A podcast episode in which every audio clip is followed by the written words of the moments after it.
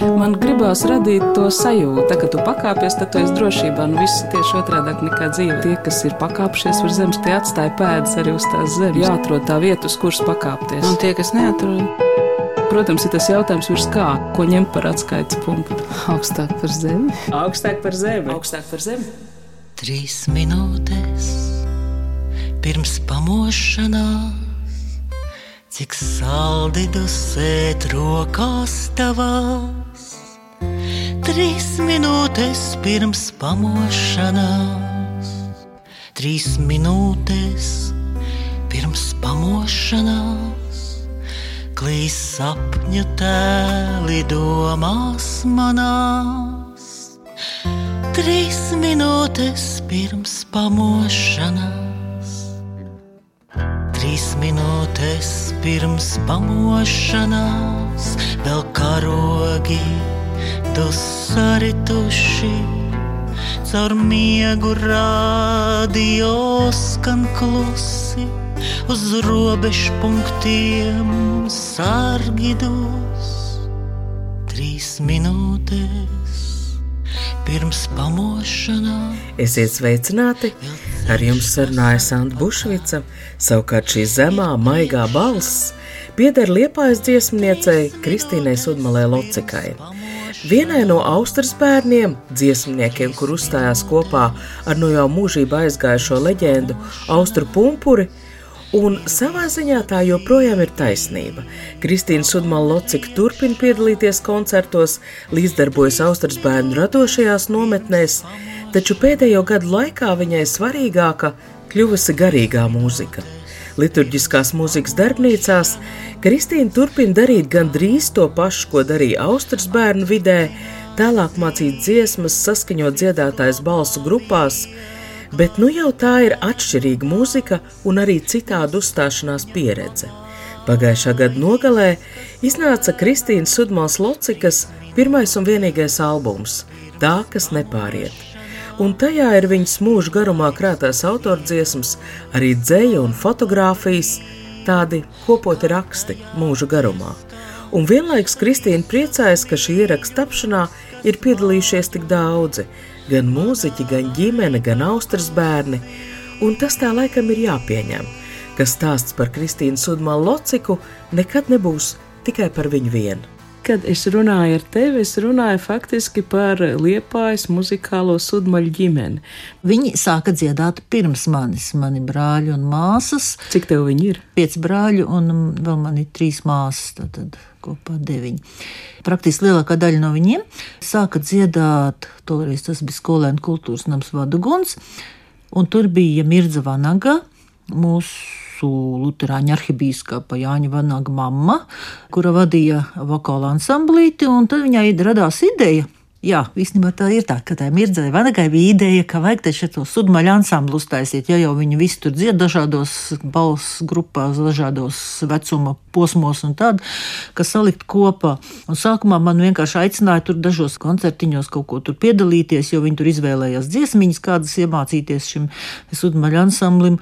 Un vēlāk vienkārši tam mēs izaugām, un tad kaut kā sākās spiet kustība, sākās arī dēklas kustība. Dēklā Kristaps jauniešu dresēja, bija toreiz tāds klubiņš, daudz bērnu ģimeņu bērni. Pusauģi sapulcējās, un tad gan spēles spēlēja, gan atpūtās, un tad kopā arī dziedāja. Un, un mans rāls Kristaps, viņš tāds sūrais tips. Un, un viņam kaut kā ļoti labi ar pusauģiem, kaut viņš bija vecāks maķinīt par šiem pusauģiem, bet viņam ļoti labi saskanēja ar šiem pusauģiem. Un mani brāļi, viņam toreiz bija 17 gadi, jā. Viņi bija rakstījuši dzējoļus, tur izdeva savu avīzi tādu. Tur bija dzējoļi, un viens no šiem dzējoļiem, kurš bija šajā avīzē, kur uzrakstīts mans brālis Reinis, viņš arī ir šī manā grāmatiņā tagad dziesmā. Viņa bija rakstīta tad, kad Rēnim bija 17, man 10 gadu vairāk, man 27 tad bija. Un tagad manai jaunākajai meitai 17 šajā laikā, kad mēs rakstījām šo disku, es domāju, ka vēl mans brālis Ivars pielika klāt elektrisko ģitāru, saprot, tas ir tā sajūta, kas mums bija tad, kad bijām 17. Aiztaisi acis un ļauj, ļauj, lai vējš tevi nes. Dodies vējām, kas cauri, kas cauri debesīm tevī vēr.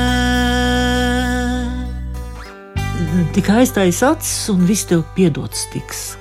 Un jo ar šīs dienas skatiem, nu, es domāju, nu, nebūs tik vienkārši. Un es pat mēģināju, varbūt tur kaut kādas variācijas taisīt. Varbūt, tev piedots tiks, ne. iespējams, tev piedots tiks, tev šķiet, ka piedots tiks. Beigās palika oriģinālais. Domāju, tas ir toreiz, un tā mēs toreiz jutāmies. Un sakot, aiztais acis un ļauj, lai vējš tevi nes. Tu tikai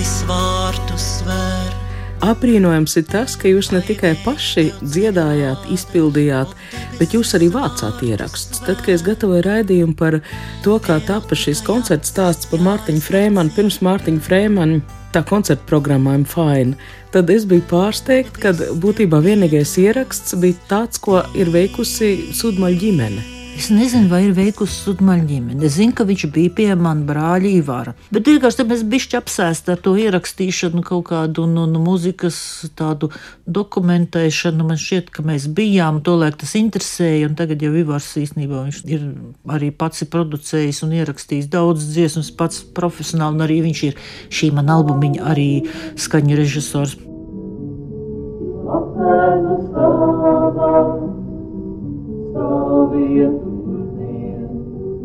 Paskaidrojuši, lai būtu skaidrāks notikuma konteksts, pirms diviem gadiem, vēl pandēmijas rudenī, Liepājas kultūras nama Viktorija paspārnē tapa koncerts stāsts I'm Fine. Un šīs programmas pamatā patiešām bija stāsts, stāsts par laiku, kad aizpūtas skolā tika nodibināts ansamblis Ilze, kurā līdzdarbojas arī Mārtiņš Freimans, un tieši šim ansamblītim Mārtiņš uzrakstīja savu pirmo dziesmu Skumju putni. Viss, kas no tā tālā laika bija palicis pāri, bija pagājušā gadsimta 90. gados piezīmēta piešķīkāta klade, kuras lapusēs pierakstīti dziesmu vārdu un ģitāras akordi. Bet, lai atcerētos, kā tas toreiz skanēja, milzīgs iegūms bija vienīgais ansambļa ilza uzstāšanās ieraksts, un tāds atradās tieši Sudbaļa ģimenes arhīvos. Bet tu atceries, ka jūs kaut kādā veidā dokumentējāt, ka jūs braucāt uz tām vietām, kur skan dziesma. Es zinu, ka es eh, vienmēr visur braucu ar eh, diktafonu. Toreiz bija tāds kasešu diktafons, un es braucu arī pie valdā tālu. Es braucu uz folku festivāliem, Austrijas dienām. Un man tagad ir kasets, 89, 88 gads. Un ļoti interesanti tā dziesmas, kur valsts pat neatcerās, ka viņš ir uzrakstījis. Ir.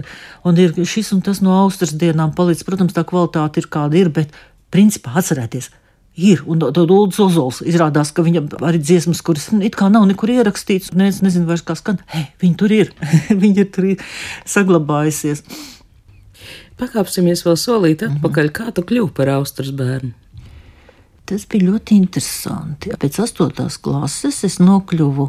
Tolaik bija zīmēšanas olimpiādas, un zīmēšanas olimpiādas republikas uzvarētāji parasti nokļuva Jāņa Anmaņa nometnē, Varavīksne, kas bija Cēsīs.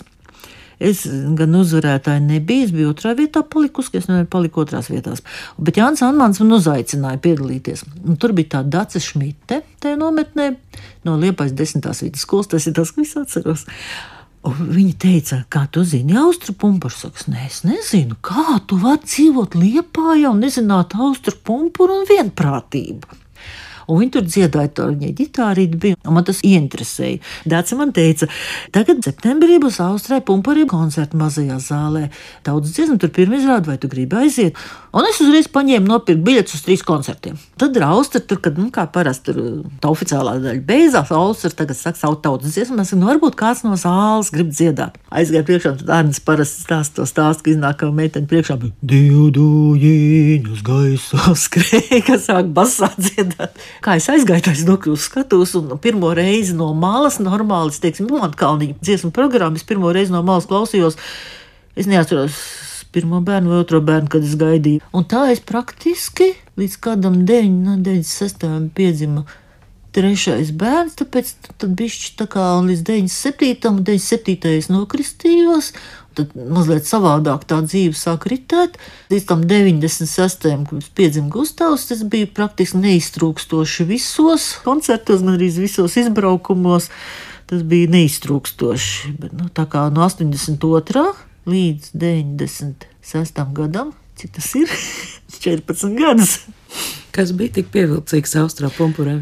Nu, šī kopā dziedāšana, nu, es nezinu, laikam man patīk dziedāt. Un Austrija vienkārši arī mums prasīja, var sekot koncentrēšanās pirms koncerta, nedrīkstēja runāt neko citu, nekādas muļķības, tikai un vienīgi par to, ka tu kāps uz skatuves. Un arī Austrija vienmēr jāut, ja tu nezini, ko teikt, tad nekāp uz skatuves. Ja tu kāp uz skatuves, tev jāzina, ko tu gribi cilvēkiem teikt. Vienkārši tāpat smuki padziedāt, to mēs visi varam. Ko tu dziedāji Austrijas dienās? Tas ir šeit diskā. Jā, te ir viena dziesmiņa, ir kukulītis, kas arī ļoti interesanti. To, ka viņai tekstu uzrakstījis mans tētis Pēteris Sudmalis. Kukulīti, siltās maizes, kukulīti, šķēlītes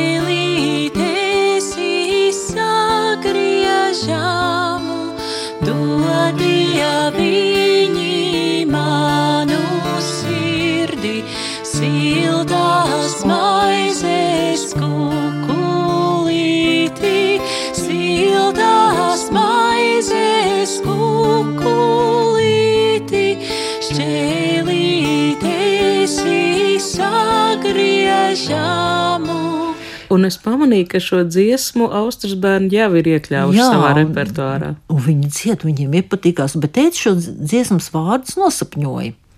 Un toreiz viņš teica, no jā, mammai varētu uzdāvināt, dzimšanas dienu mammai nāca. Un mēs uzrakstījām šo melodiju, tad mēs mammai dzimšanas dienā viņu nospēlējām, bet tas jau bija diezgan pasen jau.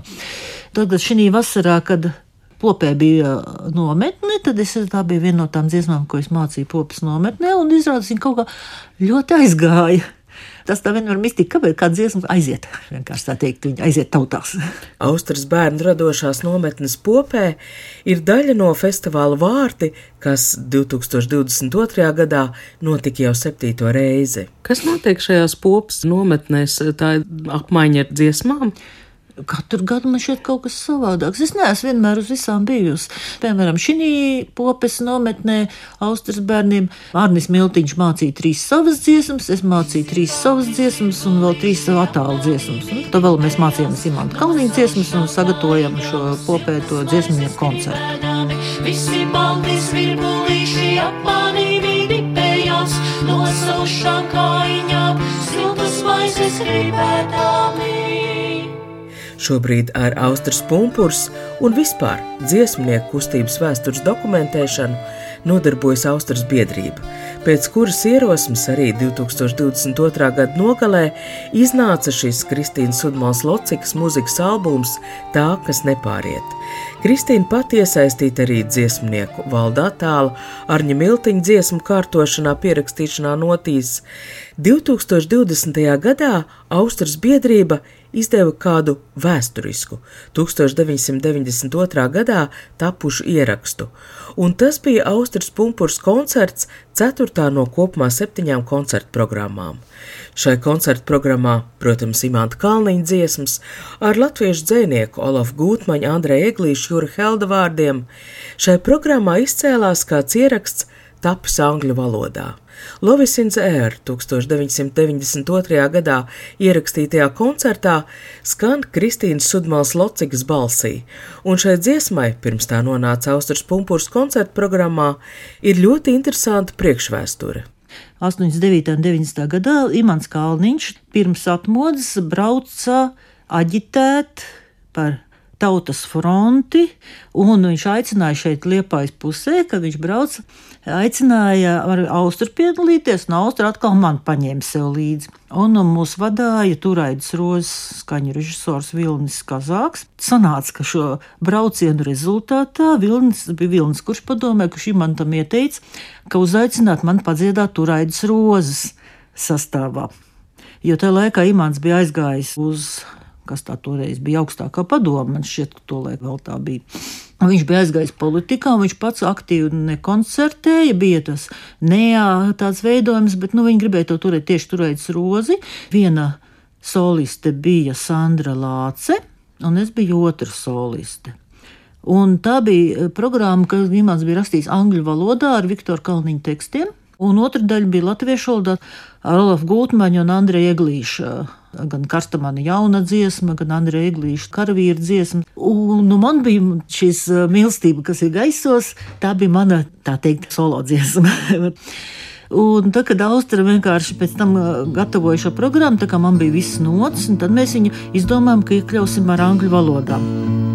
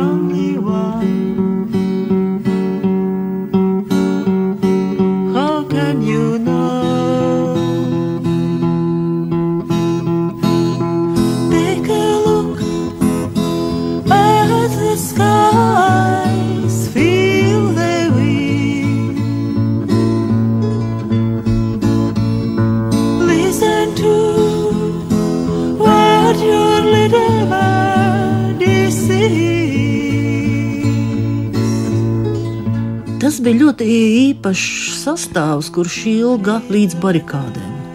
No barikādas bija janvārī, mēs sākām mēģināt vasarā laikam.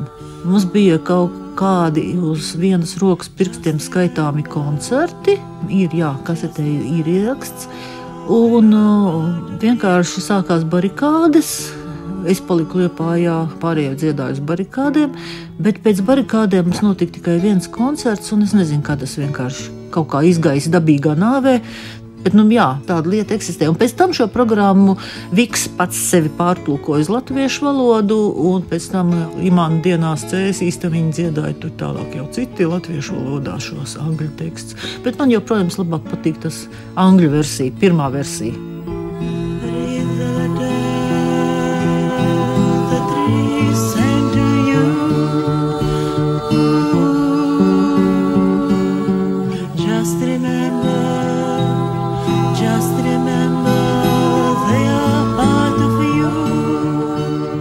Viktors Kalniņš uzrakstīja tekstu. Es nezinu, varbūt vienkārši gribēja iziet turēt uz plašākos ūdeņos, varbūt gribēja vienkārši kaut kā pasaulē.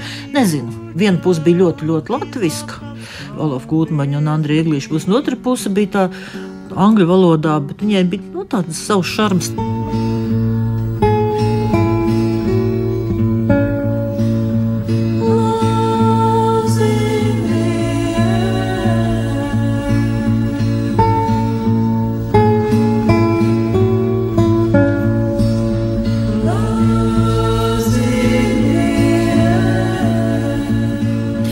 Klau, mūzika nekad nav bijusi tava profesija, cik es zinu. Nē, nu, es esmu mācījies. Es esmu šuvēja vokālists. Pareizāk sakot, man diplomā, viens diploms man ir mākslas skola apģērba modelētais tehniķis. Otrs diploms man ir vokāla ansambla dziedātāja muzikas skola. Bet eh, kas man vispār ir profesija? Man vispār nav profesija. es tagad strādāju, bet tā es tāds brīvmākslinieks visu mūžu esmu bijis. Un tev tie bērni dzim? Nu, bērni. Cik bērni. tev ir bērnu? Ja pieauguši cilvēki arī bērni, tad seši. Jā. Jaunākais 17, vecākais 36, divas mazmeitiņas.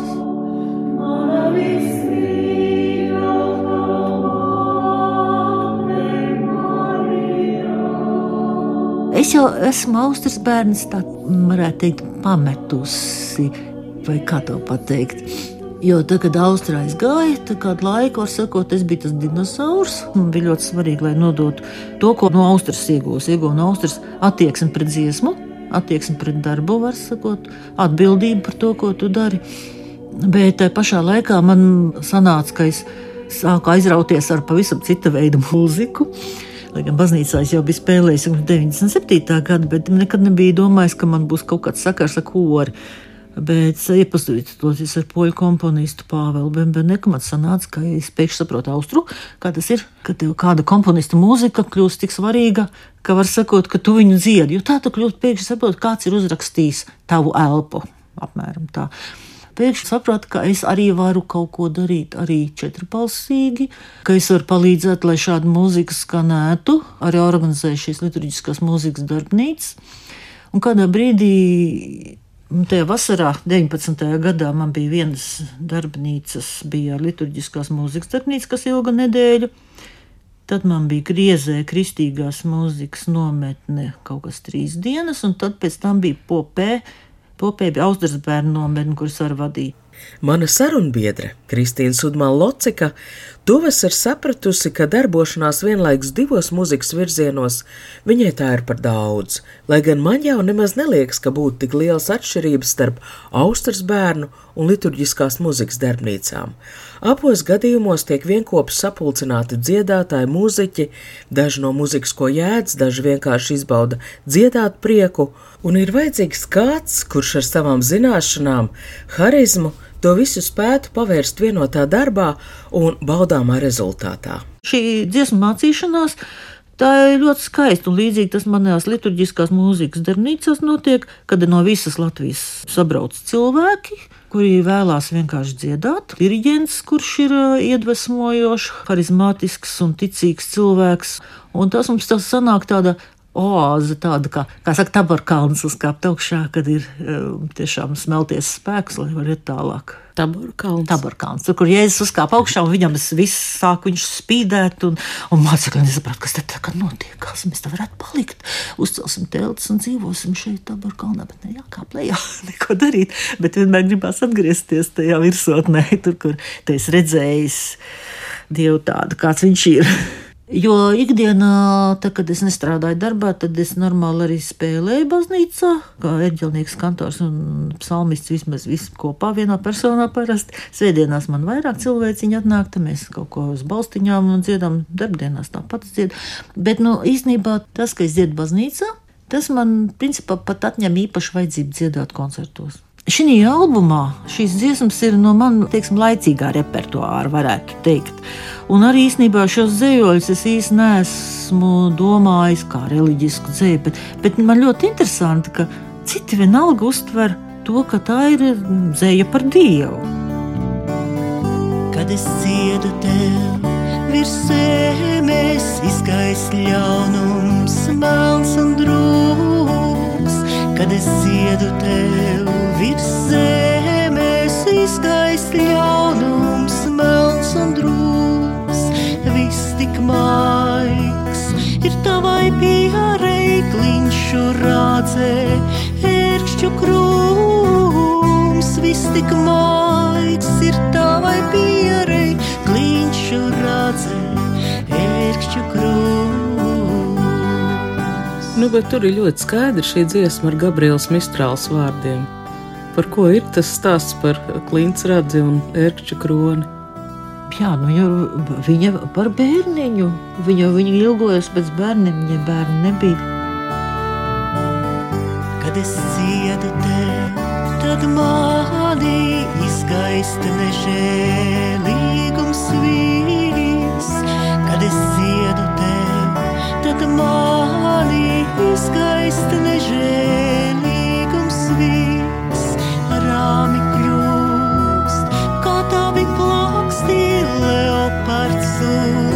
Šakalīs. Rāmi kļūst kā tavi plāksti, leopards un šakalīs.